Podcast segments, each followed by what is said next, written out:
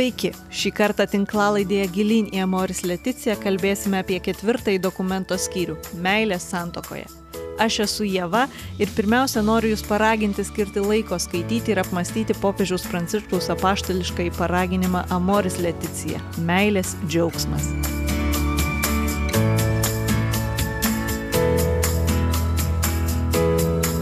Ketvirtasis skyrius - meilė santokoje - tai centrinis ir vienas iš svarbiausių dokumento skyrių. Jame pirmiausia vėl grįžtama prie švento rašto ir skiriama laiko aptarti apaštalo Pauliaus laiško korintiečiams 13 skyrių, dar žinoma kaip himna meiliai. Trumpai apibūdinamas kiekvienas himne minimas meilės bruožas ir jo reikšmė santokiniam gyvenimui. Toliau aptariama, kaip svarbu aukti santokinėje meilėje, mokytis, dalintis, džiaugtis, kartu pernešti skausmą bei atvirai bendrauti. Daug dėmesio skiriama aistringosios arba kitaip seksualinės meilės aptarimui. Skyrius baigėsi pastraipomis apie tai, kaip meilė keičiasi. Daugiau įgiliname su humanitarinių mokslų daktarė, docente Irina Eglė Laumenskaitė. Žinau, kad Eglė nori mus šiek tiek įvesti į šį pokalbį, tai noriu labai išklausyti šitą jūsų įvadą. E, kas yra labai svarbu? Šis skyrius, būdamas centrinis, e, jis būtent kalba apie visišką pasivedimą santokoje dviejų asmenų, kurie gali išgyventi meilę būtent visais jos ligmenimis ir ją brandinti. Juolab, kad, kaip sakė Švento Siluano mokinys Archimandritas Afronijus, meilė yra ir Dievo, ir žmogaus esmė. Ar ne todėl ji mums tokia svarbi ir tuo pačiu dramatiška? Tačiau skyriuje popiežius ją aptaria kaip siektina ir atskleidžia, kas sąlygoja, kad jinai išsipildytų. Nors jis tiesiogiai apie tai nekalba, akivaizdu jau toks žvilgsnis į savo brangiausią žmogų kaip asmenį, kurį mes pasirenkame visam gyvenimui, nesumenkina jo kaip iki objekto savo, iki priemonė savo seksualiniai aistrai. Patenkinti, būtent aistrai patenkinti, bet priima kaip besąlygiškai vertingą ir unikalų su visomis konkrečiomis jo dovanomis ir silpnybėmis ar net įdomis, nes su konkrečiu asmeniu, o netrokštamu įvaizdžiu tenka gyventi ir tą gyvenimą draugė kurti. O asmuo skirtingo nuo tobulo arba netobulo individo yra slėpinys. Ką tai reiškia? Kad jis yra daugiau, nei mes jį matome. Taip, jis gali būti ribotas, įdingas, bet ar mes žvelgiame į jo gelmę kuri pridengta jo ribotumu, bet juo neapsiriboja.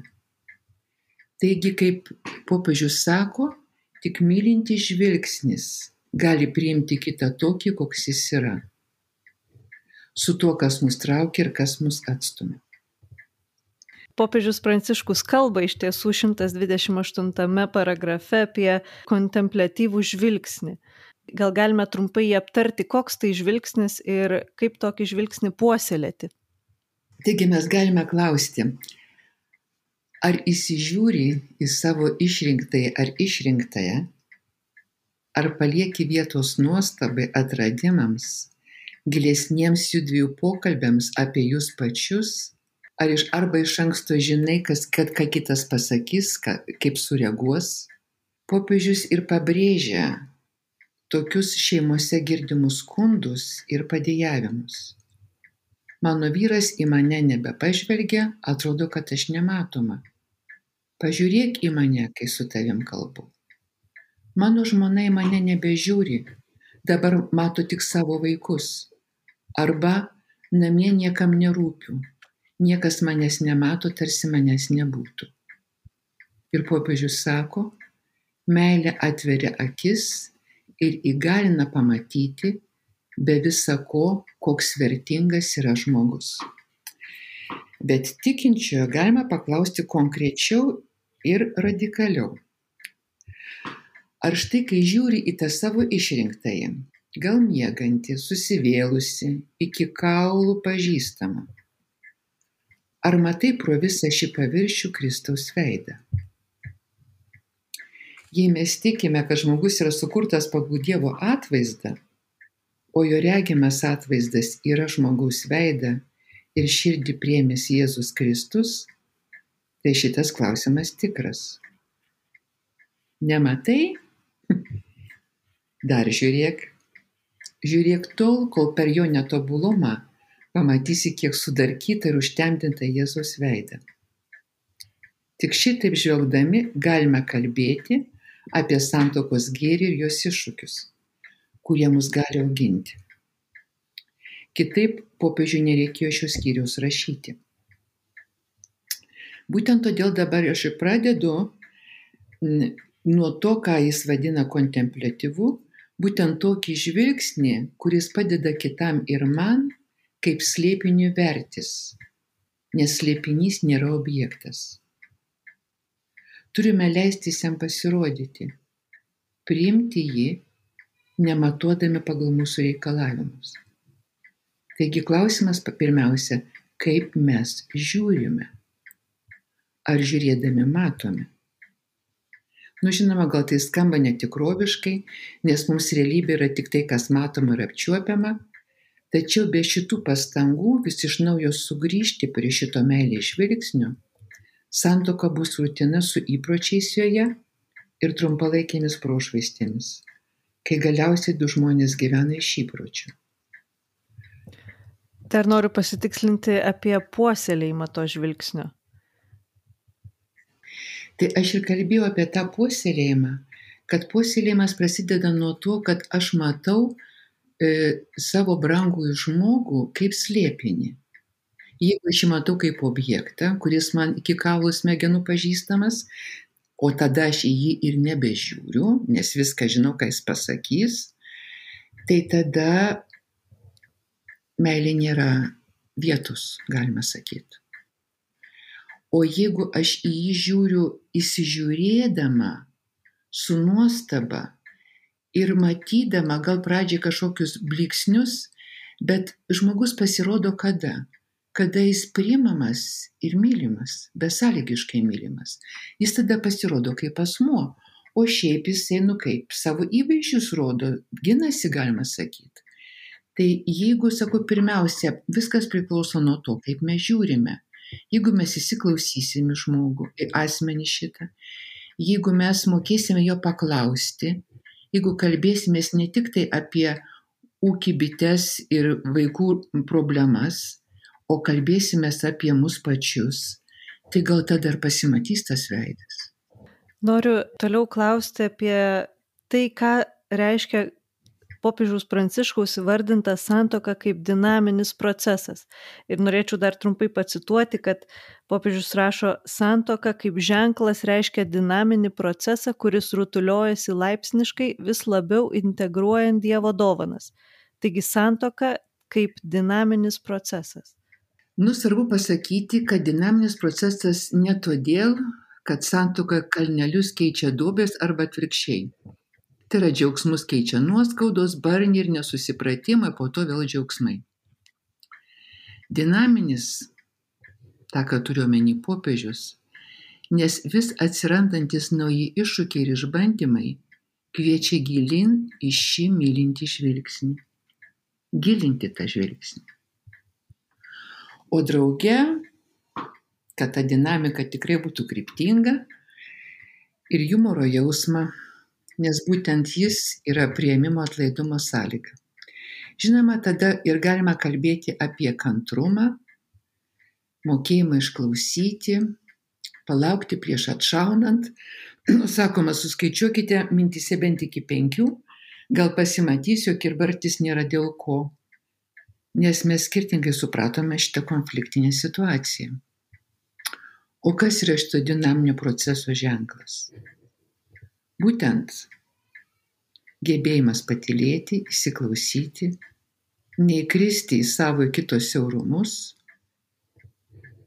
ne vėl susipykti, bet atpažįstant, kad jūs ant to paties grėblio užlipam, o tai paprastai ir būna, draugė pasijuokti ar bent palinguoti galvomis. Ir galiausiai vėl, o gal vis iš naujo atsiprašyti ir atleisti, bet dažniau pasidžiaugti. Pasidžiaugti mažais gerais dalykais, kuriuos kažkaip tai mes užmirštame per mūsų rūpeščius. Vienas iš skirelių šiame skyriuje e, vadinasi visą gyvenimą dalytis viskuo. Man labai e, gražiai skamba šitas pavadinimas, bet tuo pačiu ir ar, ar jis neskamba kaip iššūkis, kad visą gyvenimą, tai yra ilgas laiko tarpas, dalytis viskuo. Ne tik, kad būti kartu, bet ir dalytis viskuo. Nu tai kada mes dalinsimės? Visai reikia grįžti prie šito himno meiliai ir klausti, kai mes meilė turim tik vieną žodį, kaip mes ją suprantame. Greičiausiai kiekvienas savaip, o jeigu graikai turėjo net keturis, eros, sorgė, filija ir agapę, Paulius šiuo atveju kalba apie meilę, tokią meilę, kurią Klaivas Luisas, jeigu esate skaitę jo knygą Keturios meilės, vadina visų kitų meilės pagrindų. Meilė, kuri priima kitą tokį, koks jis yra ir save dovanoja besąlygiškai. Ne už gerus veiksmus ar už tai, kas man patinka. Ta meilė, kuri būdama visų pagrindas ir užtikrina tą gyvenimą dalinantis viskuo. Ir rūpešiais, ir džiaugsmais, ir nesusipratimais, nu ir visko, kas nutinka drauge gyvenant. Žinoma, kad tai yra iššūkis. Bet iššūkis, kuris priklauso, ar mes tą meilę puoselėjam ar ne. Ar jis tas iššūkis yra mums šansas meilę puoselėti, ar tiesiog nu, susvetimėti, kas dažnai būna. Yra nemenkas skyrius skirtas aptarti dialogui. Ir popiežius įvardina dialogą kaip vieną pagrindinių būdų auginti ir išreikšti meilę. Ir čia yra tiesiog eilė gausybės įvardinta konkrečių veiksmų, tai yra ir skirti laiko, kantriai išklausyti, laikyti kitą svarbiu, nenuvertinti, ką kitas sako, lankstumo keisti savo nuomonę, reikšti jausmus be pykčio, e, labai konkretus veiksmai. Kaip Jūs manot, kaip ugdytis tokią laikyseną vedančią į tikrai pagarbų bendravimą? Šiandien taip daug kas kalba apie dialogą, o žinote, o iš tikro dialogas nėra du monologai kai kitas laukia kantriai, kol anas užbaigs ir tada savo, sako savo poziciją, kurią žinojo iš anksto. Dialogas nėra nuomonių mūšis ar bent varžybos, kurios vyksta susitikimuose arba mūsų televizijos laidose.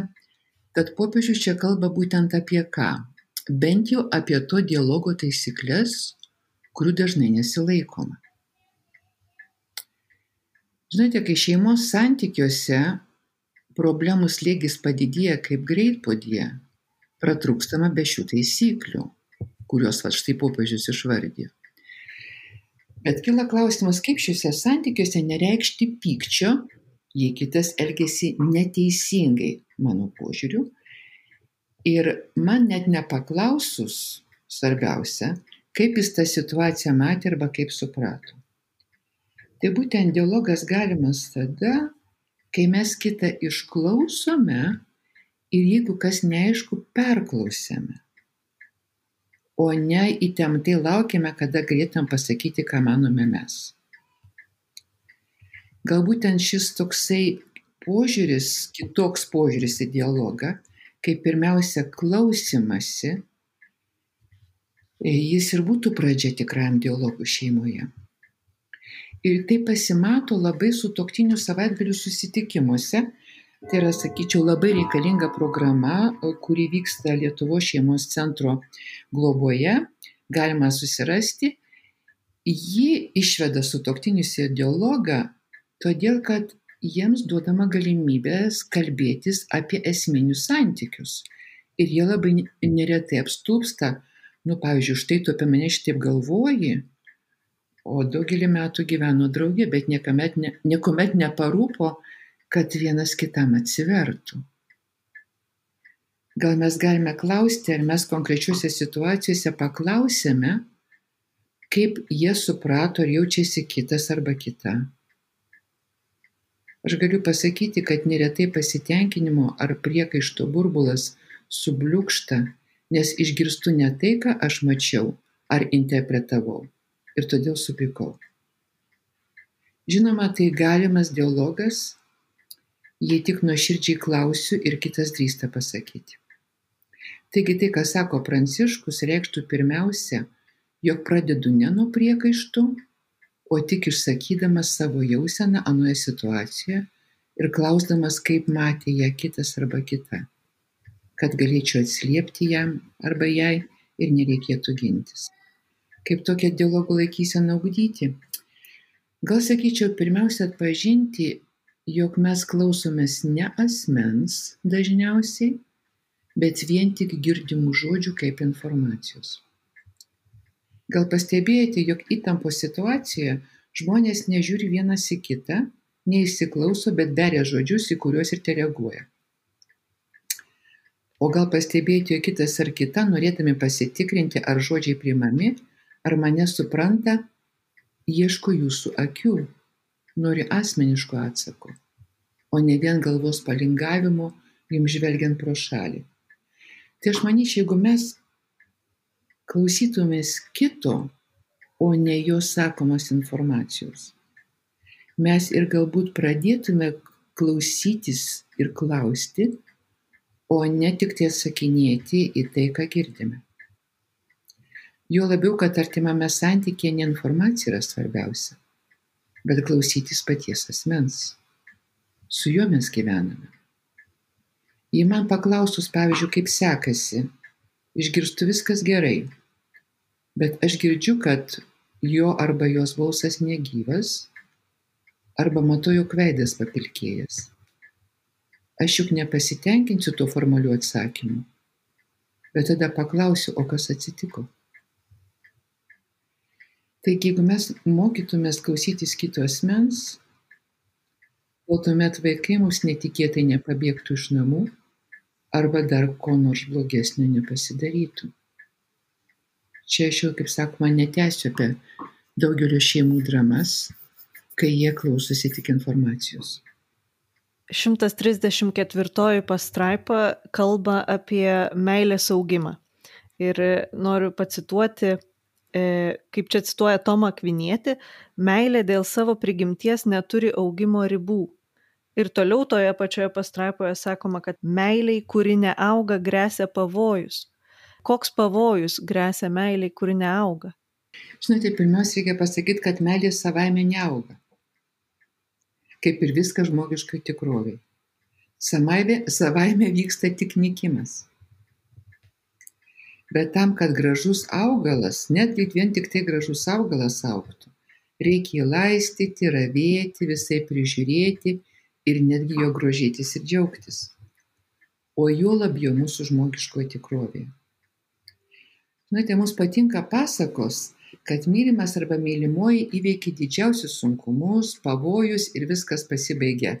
Sakiniu paskutiniu pasakoja, tuomet jie iškėlė vestuves ir ilgai bei laimingai gyveno. O būtent čia turėtų prasidėti antroji pasakos dalis. Ne tokia herojiška, nes po pasiekto to tarpinio, sakyčiau, tikslo prasideda kitokie išbandymai. Tai tam, kad meilė auktų, kai išbandymai darosi netgi didesni, jei auginti reikia abipusių pastangų. Juk saugusių santykiuose negali būti taip, kad vienas visą teisus, o kitas ne. Ar ne taip? Pykti ar net brutalius veiksmus lengviau pamatyti ir tuo kitą kaltinti. O kaip pamatyti savo nematomą manipuliavimą, siekiant to ir kito tikslo. O jo gali būti daug kas - priekaištavimas, visoks erzinimas, nepamatuoti reikalavimai, kontrolė, ignoravimas ir svarbiausia tuo pačiu manant, kad tuo siekia gero arba teisingo. Tai aš manyčiau, kad čia pagrindinis dalykas, kad meilė auktų, reikia matyti, kaip mes elgiamės. Ir todėl yra labai svarbu kad mes kalbėtumėm ir skirtumėm laiko ne vien tik tai apie būtinius dalykus, bet ir apie tarpusavio santykius. Nes kitaip pradės aukti nutilėjimo ir nuoskaudų siena. Mes negalėsim tada kalbėti apie meilės augimą. Tikriausiai meiliai aukti yra be galo svarbu kalbėtis ir apie savo emocijas. Ir popiežius pabrėžia šitam skyriuje ir nemažai tekstų yra skirta emocijų pasaulis vadinasi skyrius ir jame pabrėžiamas emocijų, dar kitaip vadinamo aistromis, vaidmuo ir svarba. Ir aš noriu paklausti, kokie yra pagrindiniai iššūkiai šeimos, ypatingai su tuoktiniu, kalbant apie emocijų svarbą ir jų raišką. Vis tik aš čia norėčiau truputį praplėsti e, šitą emocijų sampratą galbūt popiežius turi omeny kalbėdamas apie pirminės ir antrinės emocijas, nes tos pirminės reakcijos, emocijos kaip pirminės reakcijos, e, yra labai paprastos e, ir žinoma, nu kas tai pavyzdžiui, pyktis, e, nuostaba, koks nors džiugesys, bet kokia kita emocija. Ir brestant reikia atrasti, kad, žinoma, jų nedusinti ir tinkamai jas išreikšti vienoje situacijoje ar kitoje ir kaip kitoje situacijoje apvaldyti. Bet popiežiui čia turbūt turėjo omeny jausmus, kaip sudėtingesnės emocijas, arba jas tyrėjai vadina antrinėmis emocijomis. Jausmai yra brandinami. Jeigu sakome jaučiu meilę, bet yra tik tai aistra ar geismas, tai jį patenkinus meilė ir užges. Tai manyčiau, kad kai popiežius kalba apie emocijas ir aistras, jis kalba apie mūsų siekius, troškimus, apie mūsų raišką, būtent to. Ir tikrai nekalba vien tik tai apie saviraišką, todėl kad jeigu mes tik tai reiškiam savo pyktį ar dar kažką tai, nu kaip vaikai elgiamės. Tai, e, tai tada mes neperėsim netgi prie jausmų pasaulio. Ir saviraiška, kuriai dabar mes labai daug skiriame dėmesio, dėl to kalbame daug apie emocijas, nu yra iš, iš esmės egocentriška. E, todėl man atrodo, kad šiandien greičiausia popiežius turi omeny tas ir antrinės emocijas arba antro lygio emocijas, yra labai svarbu, kad tos mūsų emocijos, kurios yra netgi kartais impulsyvi reakcija, išauktų iki jausmų, o meilė iki gilaus ir tvaraus santykio. Todėl jis ir kalba apie greičiausiai jausmus ir apie šitų jausmų puoselėjimą, sakyčiau, gilinimą. Ir Todėl aš galbūt grįžčiau vėl prie to paties. Jei aš nepatiriu savęs ir kito, kaip esančius iš abipusio dėmesio, jei nepatiriu kito prieimimo bei savęs dovanojimo santykio, tai aš nu liksiu kas? Liksiu tik tai emocijas bereiškintis kūnų saugęs, bet šiaip tai infantilas, nesubrendėlis. Tai dėl to aš manau, kad e, mums reikia kalbėti apie ūkdymą jausmų. Mes prieš tai kalbėjomės apie tai, kad, kad meilė auga ir kokie pavojai kyla, kai jinai nustoja aukti, bet šitas dokumentas taip pat sako, kad meilė ir keičiasi. Koks yra tas meilės kismas? Tai žiūrėkite, jeigu netgi kalbame apie, apie ryškę jausmus ir visą tai, ką, ką prieš tai svarstėme, meilės kismas yra tame, jog įbręsta ir perina skirtingus etapus nu kas pirmiausia? Nuo susižavėjimo jį išreiškiant mylavimosi palaipsniui pereinama į įsiklausymą gilesnį kito pažinimą drauge įveikiant kliūtis ir brestant meiliai ir juk ne šiaip sau paulius himnės meiliai pirmiausiai vardė ką? Kad meilė yra kantri.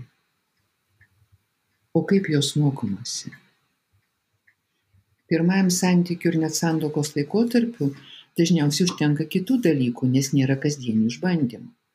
Dar nėra siekio meilę išlaikyti, ją auginti, nu, nes daržai žaruoja, dar daug ko tikimasi, manoma, kad visose situacijose, kaip sakoma, meilė ištrauks, bet daugelis žino, kad jau gimus vaikams ryškėja kiti meilė išbandantis ir palaikantis dalykai, kurių reikės mokytis.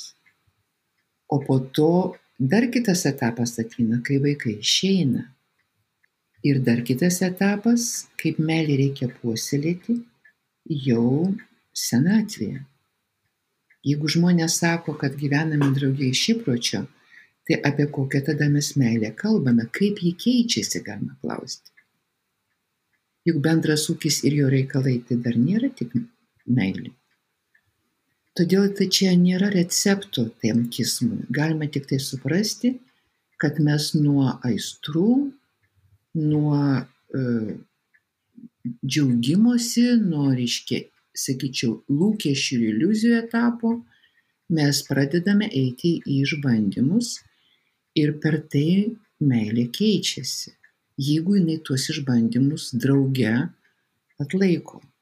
Ir čia nėra recepto, nes kiekvienas santykis yra unikalus, todėl kad mes patys kaip asmenys esame unikalūs. Ir todėl reikia drauge ieškoti, kaip būti, aukti kad meilė gyventų, o ne temptumėm gyvenimo naštą. Kalbant apie išbandymus, popiežius nemažai dėmesio skiria aptarti džiaugsmą. Viena gražiausių citatų man iš viso gal visam dokumente yra, kad didžiausi gyvenimo džiaugsmai, kai galima rūpintis kitų laimę laukiant dangaus. Labai ir gilu, ir iškalbinga. Bet taip pat popiežius užsimena, kad džiaugsmas dažnai atsinaujina per skausmą ir kad iššūkiai ir patirtos negandos yra tai, kas suartina sutoktinius. Kodėl taip yra ir, ir kaip nebijoti šito suartinančio skausmo? Ta graži, graži citata yra labai daugiamatė, nes yra tas džiaugsmas dėl dangaus, kuris netgi yra ir seksualinėme santykiai, jeigu jis yra meilės santykis, o ne vienas kito naudojimo, todėl kad tai yra džiaugsmas dėl kito, dėl kito patiriamo malonumo, sakykime. Netgi, sakau, jau vien tik šita platmi. Aš jau nešneku apie tai, kad dėl kito gėrio, kuris yra nudaukame, kad aš atliepiu kito žmogaus poreikius, kad e, jisai, jisai džiaugiasi tuo, kad, kad vaikai auga, kad mes bręstame, mūsų, mūsų meilė gilėja. Tai šitaip einama į tą dangaus karalystę. Tai nėra toksai nu kaip čia pasakyt, trumpalaikis džiaugsmas. E, todėl e, paprastai gyvenime džiaugsmas labai dažnai turi skausmų įveikimo patirtį. Jeigu žiūrėkite, yra tiek daug skirybų, ką tai reiškia? Kad e, tie išbandymai tų žmonių nesuartina. Taip, skausmas toli gražu ne visą suartina, jis dažnai nuvargina, išskiria, jei nėra drauge pakeliamas. O drauge pakelti iššūkius ir skausmą reikia ko? Kad mes būtume iš tikro artimi, kad brangintumėm vienas kitą kaip asmenį, kad tam, kuriam pažadėjome, nepalikti jo visose išbandymuose ir būti ištikimais, kol mirtis mūsų skirs, va taip yra, kaip sakoma, originaliame tekste.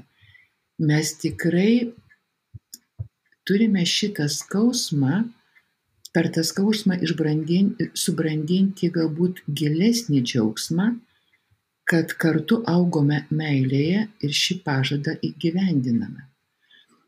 Žinote, skaičiau tokį popiežiaus 16 pasakojimą apie vieną sutoktinių liūdimą, kurį jis išgirdo pasaulio šeimų susitikime Ispanijoje 2006 metais. Ir jisai sako, kad jie du pasakojo, kad jų santoka buvo ties visiško suirimo riba. Požiūrių, charakterio, temperamento skirtumai buvo tiek nepakeliami ir atrodė, jog nebebuvo kas juodų jungtų. Ir tada kančioje ir maldoje atsivėrė jiems iki tol nepažįstama meilės gelmė kurios dėka jie išėjo į kitą meilės lygmenį, viršijo savo senuosius aš ir jų santoka įgyjo naują kvepavimą.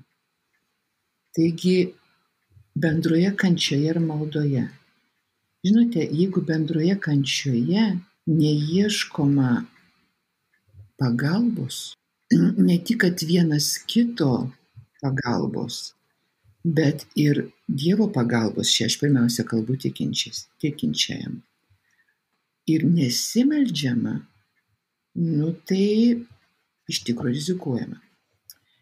Žinote, suiro ne viena, tarsi labai pavyzdinga katalikiška šeima, kodėl.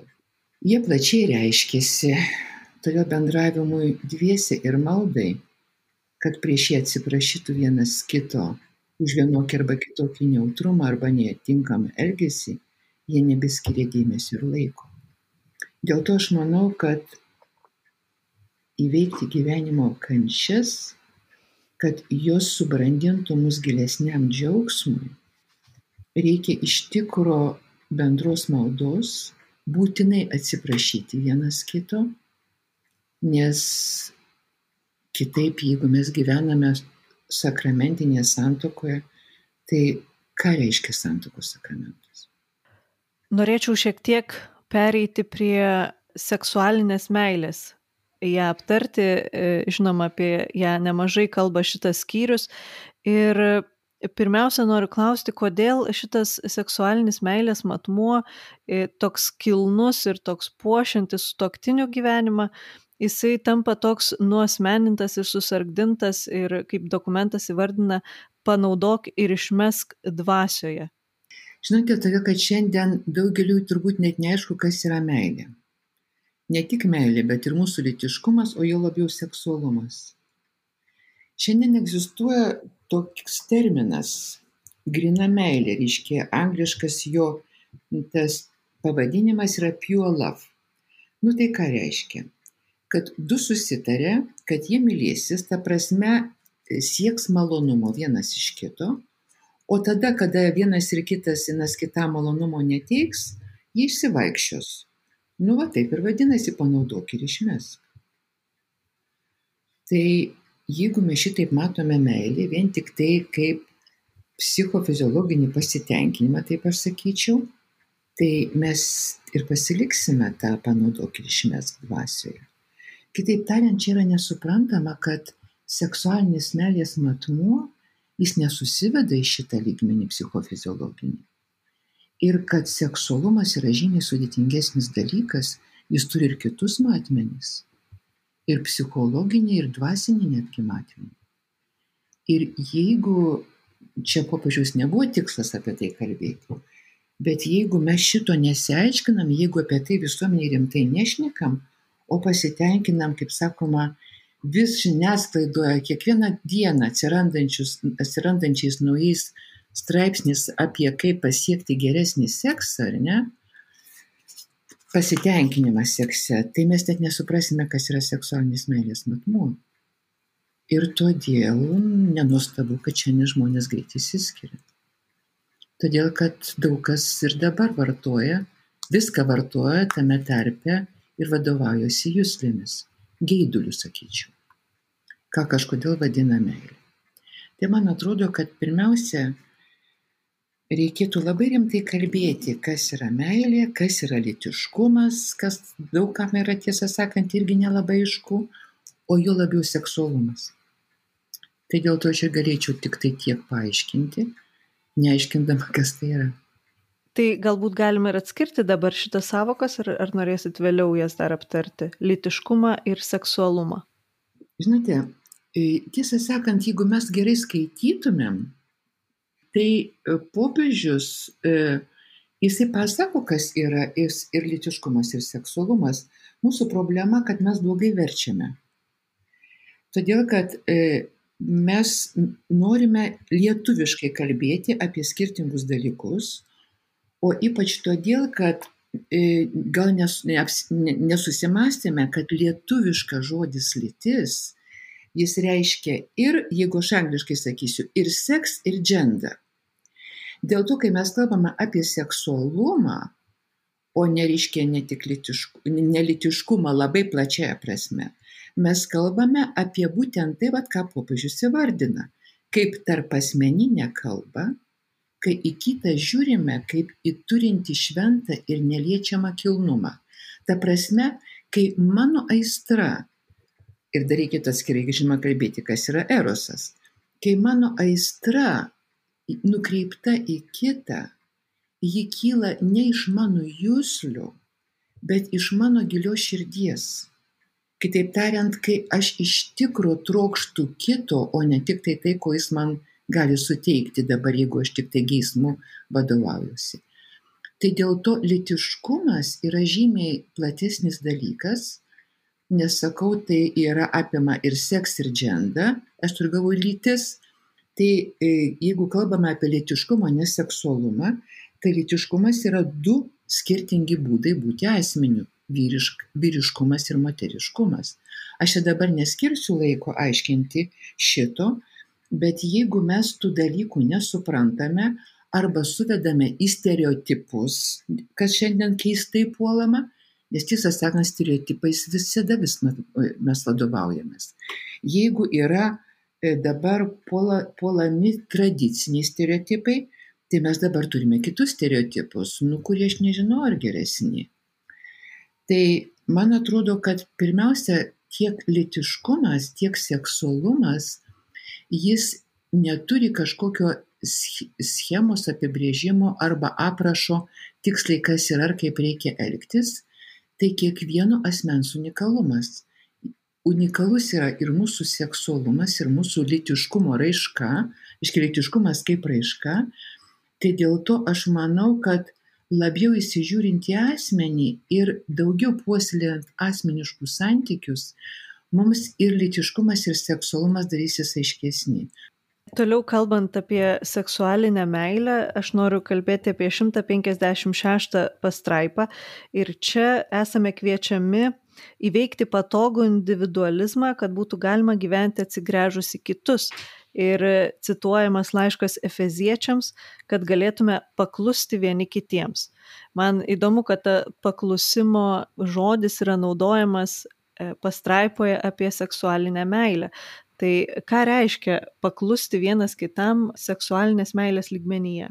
Žinote, popiežius čia dabar ją mm, pritaiko seksualinės meilės lygmeniui arba seksualinės raiškos lygmeniui, bet šiaip, jeigu jis nurodo laišką Efeziečiams penktą skyrių, e, kuris tiesą sakant, čia jis kalba, jis prasideda nuo 21 eilutės, aš turbūt pirmiausia norėčiau pakalbėti apie tai, kas labai moteriškės erzina ir jos iš karto supyksta, nes skaito tokią žiauroką mūsų akimis eilutę, kad e, pa, paklūskite, jūs moteris, pak, pabūkite klusnat ar paklūskite vyrui kaip viešpačiui.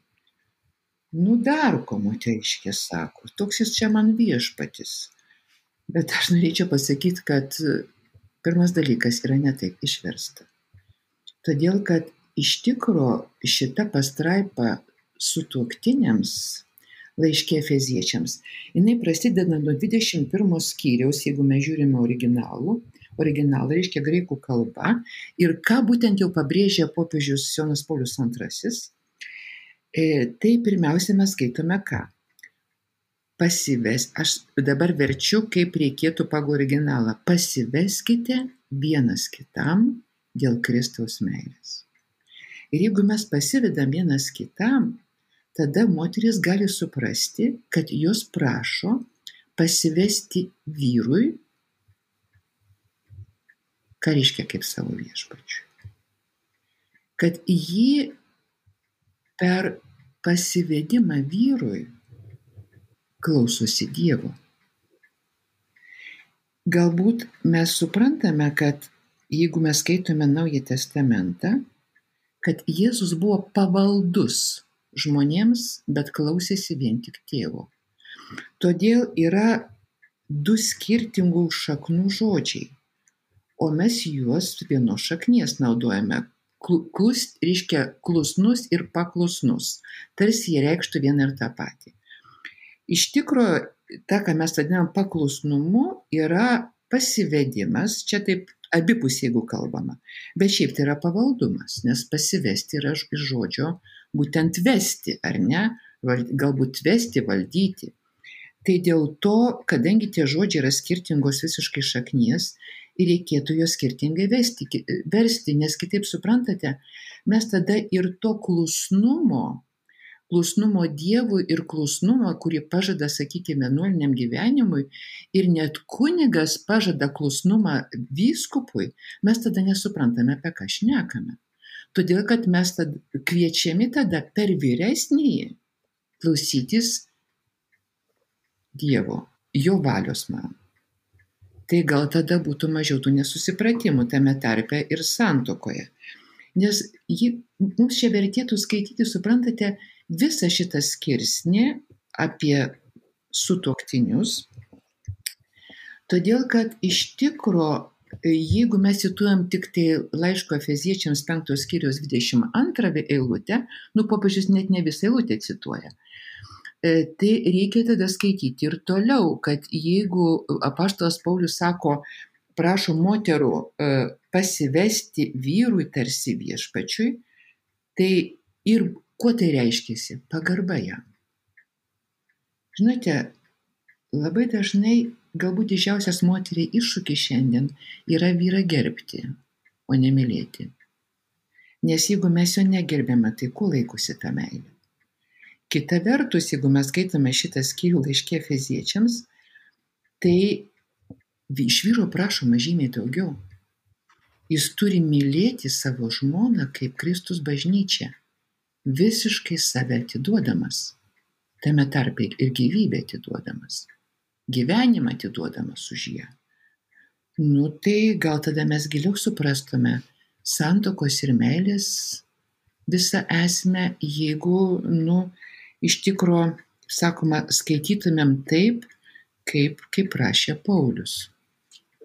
Tai dėl to man atrodo, kad, nu, tikrai tikiu, kad bent jau galutinėme, galutinėje redakcijoje, kad dabar Naujasis testamentas iš naujo verčia ir jį verčia biblistai, kad tikrai jisai, e, nu, adekvačiai sura žodžių tai, kas yra kitomis kalbomis, e, būtent skirtingų šaknų žodžiais vadinami.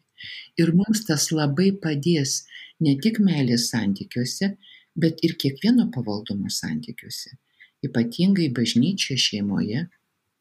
Tai dėl to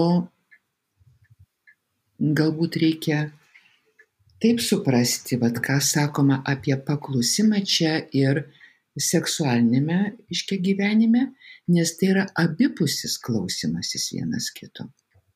Ir tiesą sakant, šiandien ger, geriausiuose seksualinio gyvenimo patarimuose apie tai ir kalbama. E, noriu šiek tiek nukrypti ir mes kalbam apie skyrių, kuris visas yra apie santokinę meilę, bet noriu pasitikslinti, kokie yra skirtumai tarp santokos ir žmonių, kurie tiesiog gyvena kartu ir gyvena tarsi santokinį gyvenimą, bet, bet tuo pačiu ne. Aš sakyčiau, kad jeigu mes dabar gyvename, kalbame apie nesantokinį gyvenimą, tai net ir jis jeigu pasižiūrime praktikoje yra dviejų skirtingų tipų. Vienas labai laikinam susimetimui tai ką aš vadinau pure love ir reiškia ta grin, grinoji meilė tai yra vien tik tai geismo patenkinimui kas labai dažnai įvyksta ir gyvenama tiesą sakant dažnai dėl pragmatinių tikslų Yra kitas nesantokinio gyvenimo tipas, kuris ilgiau tveria ir dažnai labai susilaukia vaikų, bet jisai nėra toks tvarus kaip santoka ir tie, kurie iš tikro gyvena atsidavę vienas kitam ir vis brandžiau e, patirdami tą meilę ir vienas kito supratimą, žinote, yra nemažai atvejų, kai jie susitokia po to, o atrodo, ko čia tuoktis, jeigu ir taip jie gyvena. O yra ko tuoktis, todėl kad santoka yra pirmiausia apsisprendimas ir popiežius apie šitą kalbą, e, kuris yra realus ir sąmoningas apsisprendimas visam gyvenimui, reiškia du kelius mūsų sujungti į vieną nesvarbu kokie iššūkiai juos tą mūsų gyvenimą ištiktų. Kitaip tariant, tai yra nuostata, kad mes apsisprendžiame, sakydami vienas kita, kitam taip, Ir tada, kada ištiks visokios negandos ir problemos mūsų santykėje, mūsų pastangos bus e, e, nukreiptos išlaikyti šitą santykį, nustiprinti tą santykį. O kas yra nesantokiniam gyvenime?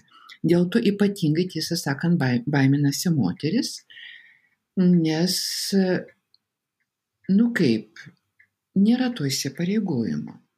Nu, jeigu asmeniškai pažada, kad aš tave, atsakau taip savo privačiai teisingiau, pažada, kad aš tave mylėsiu ir viena akimi žiūriu, o gal pasirodys geresnė, ir jeigu supyks, susipyksime, tai išsiskirsime taip pat, nes mūsų charakteriai nesutapo, tai čia tiesiog reiškia kas? Reiškia, kad mes neapsisprendėme eiti vienu keliu ir kartu e, tą gyvenimą kurti. Ir todėl šiandien galbūt reikėtų labai rimtai klausti, kodėl vengiama tuoktis. Nes dabar labai madinga pradėti, nu daugelis padeda, pradeda, sako, išbandyti reikia. Ar ne? Pradėti iš karto, kaip sakoma, sumetant skudurus. Atsiprašau, kad taip sakau, bet tai beveik praktikai vyksta taip. Paskui, reiškia, jau kartu sugyvenant, ten barantis, bandantis susitarti, bet kodėl neapsisprendžiama santokai? Žinote, iš tikrųjų yra du labai rimti, e, tokios, sakyčiau, rimtos galimos kliūtis, jeigu mes e, neturime drąsos ir norime vis dėlto turėti ryškę sarginį išėjimą, yra dvi priežastys, e, kurias įvardijo Viktoras Franklis, kalbėdamas apie meilės prasme. Ir išvelgė tai žinoma ir seksualumo tikrovėje. Tai yra pirma priežastis, kad nesitokiama, nes nesu tikras arba tikra, kad čia yra tas. Va tas man tinkamiausias žmogus. Nu, bet jeigu aš neapsis, neapsisprendžiu, jeigu iš tikrųjų mes esame vienas kitam artimi, jeigu tikrai vienas kitą pažįstam ir trokštam gyventi kartu, ar aš turiu žiūrėti visą laiką, ar nepasirodys geresnis, ar tiesiog šitą priimti ir vis labiau mylėti su visomis jo įdomis ir silpnybėmis. Nes geresnis pasirodys, bet ar tas geresnis galiausiai bus tikrai geresnis? Nu, pakeisiu į tą geresnį, pasirodys jis buvo negeresnis negu pirmas. Žinote, pažinojau, turėjau tokį bičiulį jaunystėje, kuris buvo keturis kartus vedęs. Ir jis vieną kartą pasakė, sako, žinai, sako, tiesą sakant, aš galiu ir pirmą kartą nesiskirti. Nes sako, kažkaip neto ieškau. Tai dėl to man atrodo, kad šiandien dar yra ir kita priežastis, kodėl bijo ir ypatingai to vat ištarti, kad būsiu ištikimas tau, kol mirtis mus išskirs, todėl kad mes nesame tikri dėl savęs, jo labiau dėl kito. E, sakykime, kas bus po penkių metų, ar aš sugebėsiu išlikti ištikimas, žinoma, jeigu nesidarysiu šonus.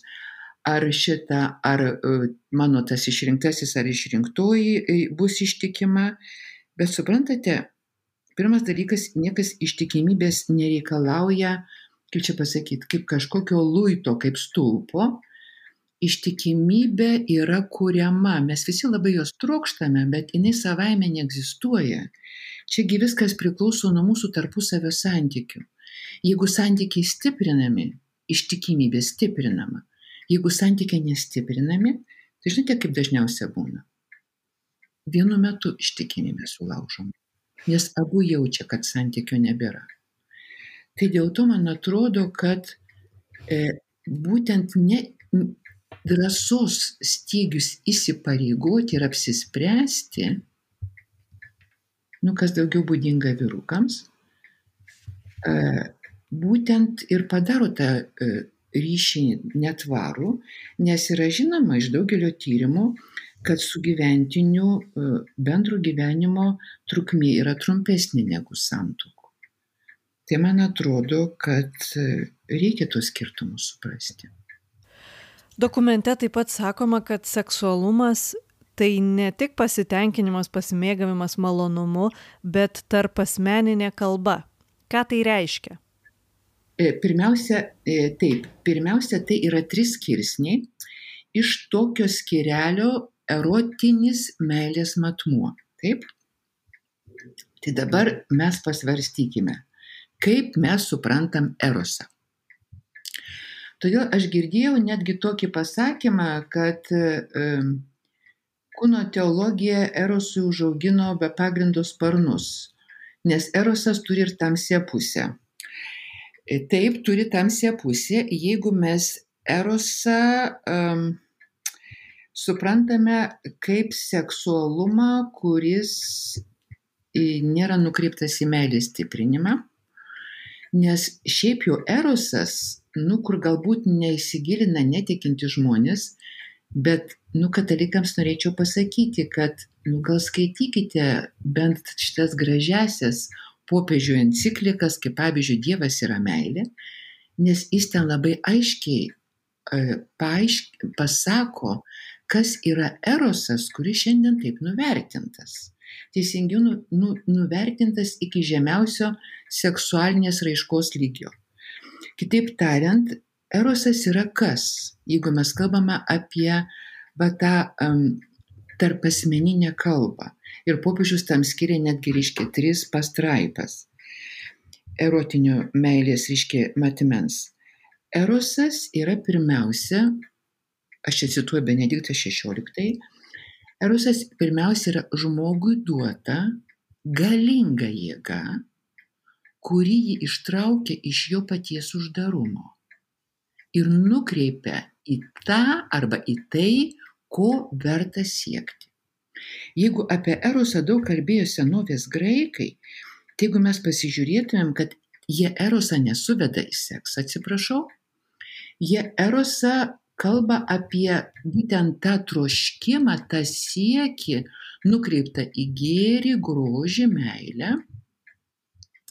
Žinoma, jiems eroso to traukos objektu gali būti ir žmogus su jų labai gražiu kūnu, harmoningu kūnu, kuris vaizduojamas graikų skulptūrose.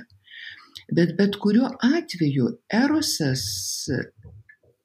visas tas mūsų erotiškumas reiškia, kad mes nesame uždari, savo pakankami ir, nu kaip pasakyti, jeigu naudoti tą mūsų dabartinį žargoną, žmogus turi draivą. Jeigu jis neturi, tai jis yra koks? Nu kažkoks apvytės. Tai dėl to erotinis meilės matmuo reiškia, kad mes turime tos aistros, to reiškia iš širdies kilančio džiaugsmo ir troškimo nukreipto į kitą asmenį tai nėra tik tai, tik tai psichofiziologinio pasitenkinimo siekimas. Nejusliškai tik tai orientuotas seksualumas. Ir dėl to popiežius ryškia ir sako, kad um, būtent tame kontekste, o jisai čia cituoja Joną Paulių II, sakydamas, kad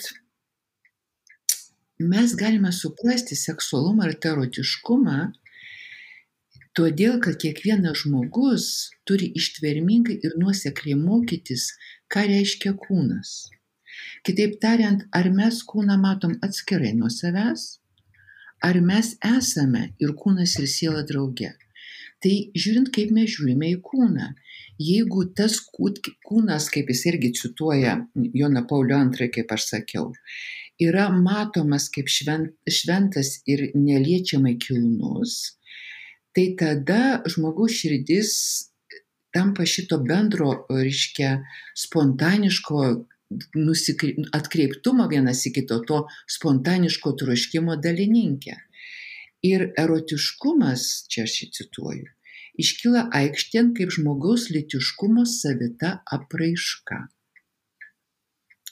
Ir jisai čia vėl cituoja Joną Paulių II, būtent pagrindinį jo mintį kūno teologijoje, kad jame galima atrasti jungtuvinę kūno reikšmę ir autentišką dovanos kilnumą. Kitaip tariant, ar mes per kūną atpažįstame, kad kitas yra dovana? o tai reiškia ir aš dovana. Jeigu aš šito net pažįstu, nu tada mes net ne apie erosą kalbame, mes kalbame tiesiog apie vienas kito naudojimą geismingumo pagrindu. Tai dėl to popiežius sako, kad lyčių skirtumai, atsiprašau, o ne lytinis kūniškumas yra ne tik vaisingumo ir dauginimosi versmė, bet ir geba išreikšti meilę, meilę, kurioje žmogus, asmuo tampa dovana. Amoris Leticija šį skyrių baigia e, vienas iš paskutinių punktų yra apie santoką ir mergeliškumą. Ir aš noriu paklausti, kas yra mergeliškumas aptariamas Amoris Leticijoje. Ir taip pat e, šitas vertimas man yra įdomus, tiesiog noriu paklausti jūsų nuomonės, ar šis žodis yra tinkamas naudoti. Ir taip pat e, gal iš karto pridėsiu prie klausimo, kuo skiriasi mergeliškumas ir celibatas. Nu, pirmiausia, žiūrėkit, jeigu mes žiūrime dabar bažnyčios dokumentus, Ne, mes netgi pradėkime nuo e, Naujojo testamento. Ten yra toksai teiginys, reiškia, e, kalbama apie tos, kurie pasišventė Dievui, kad jie buvo mergelės, ar ne? Nu, tai kiti šaiposi, kad pavyzdžiui, nu, vyrai ten, kurie, reiškia, buvo pasišventę Dievui, buvo mergelės todėl kad mes net labai suprantame, kas yra virginité. Aš čia sakau prancūziškai, bet reiškia viskas, kas kyla iš, kyla iš žodžio virgo, mergelė. Tai yra mergeliškumas reiškia ką? Mergeliškumas nėra tik tai celibatas. Mergeliškumas yra savęs viso pavedimas Dievui, pasišventimas Dievui tokiu būdu, kad aš save visą jam pašvenčiu. Ir todėl, jei tik šitokiu pagrindu, pavyzdžiui, vienuolė priima tris įžadus - neturto skaistumo ir, ir klusnumo, čia aš būtent klusnumo, todėl kad reiškia tuo pagrindu yra visas savęs pasišventimas tarnystėje Dievui ir per tą tarnavimui kitiems žmonėms. Tai jeigu šitaip nepasišvenčiama, nu tada bus problema su kunigystė, žinoma, su celibatu, tai bus problema netgi santokoje, todėl kad mes pasišvenčiame santokai ne Dievui, sakykime, o vat, savo išrinktajam, o po to ir vaikams, bet kaip mes pasišvenčiame tai mes pašvenčiame ir savo kūną, ar ne, ir savo laiką pašvenčiame. Tai dėl to mergeliškumas, jisai paprastai kalba, kalbama tada, kai kalbama apie visišką atsidavimą Dievui. Tai atsiprašau, tai kuo tai skiriasi tuomet nuo e, pašvestojo gyvenimo, pavyzdžiui, žmonių vienuolių? E, mergeliškumas yra pašvestojo gyvenimo pagrindas. Geriau klauskite, kuo skiriasi nuo celibato. Nu, pirmiausia, noriu pasakyti taip. Suprantate, kad mūsųse yra tikrai tokia nevykusi painiava su savokomis. Dabar jau pradėjo, nu, kadangi gilinamas ir teologija studijuojama, dabar pradėjo naudoti būtent žodį mergeliškumas arba mergeliškas, ar ne? Bet tai turime omeny ne mergaitę, ne mergystę, nes jeigu mes kalbame apie nekaltybę, kas gali būti, aš nežinau, nu kaip čia pasakyti. Ir tą matome e, šitame fizinėme ligmenyje. Tai ką pirmiausia reiškia, kad visi sutoktiniai, kad ir gyvendami didžioji meilė yra kalti. Pirmas klausimas.